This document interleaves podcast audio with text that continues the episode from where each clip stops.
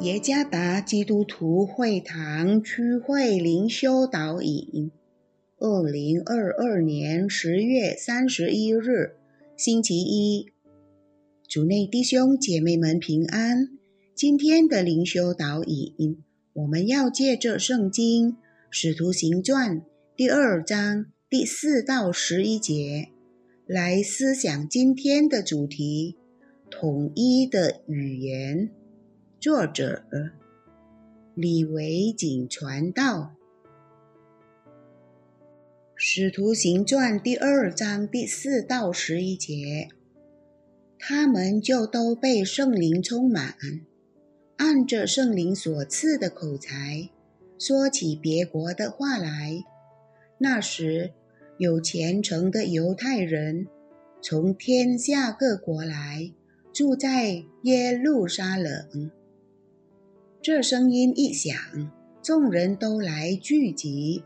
个人听见门徒用众人的相谈说话，就甚纳闷，都惊讶稀奇，说：“看哪，这说话的不都是加利利人吗？我们个人怎么听见他们说我们生来所用的相谈呢？”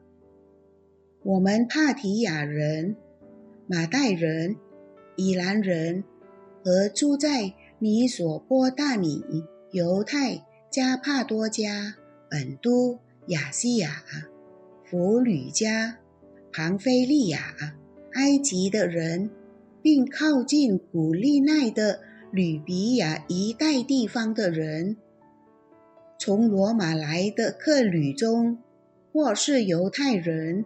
或是进犹太教的人，格里底和亚拉伯人都听见他们用我们的相谈讲说神的大作为。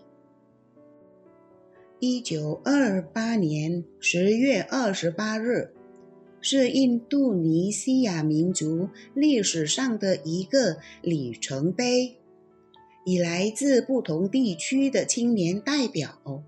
宣告青年誓言，青年誓言第三条：我们印尼的儿女遵从统一的语言——印尼语。为什么印尼民族需要宣布印尼语成为统一的语言呢？因为印尼民族有许多的族群分布在。整个努山达拉群岛上，每个族群都有自己族群或地区的语言。结果，一个族群与另一个族群无法沟通，即使他们都是印尼人。语言是一个人与他人沟通的能力。语言。也是统一国家民族的工具之一，因此，印尼民族确实需要一种统一的语言，就是印尼语，以便一个族群和另一个族群之间能够互相沟通。主耶稣升天后。将圣灵浇灌在耶路撒冷一处聚集的门徒身上，他们都被圣灵充满。他们用一种对他们来说是新的语言说话，乃是以前从未曾学过的。但特别的是，他们刚才所说的语言有共同性和统一性，就是。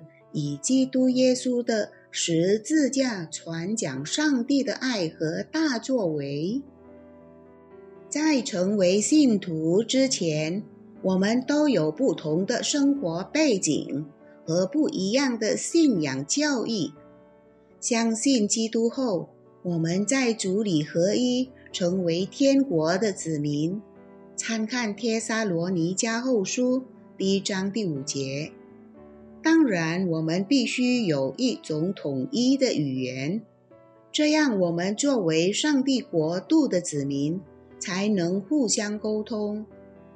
圣灵赐下使上帝子民统一的语言，来传达上帝拯救人类之爱的语言。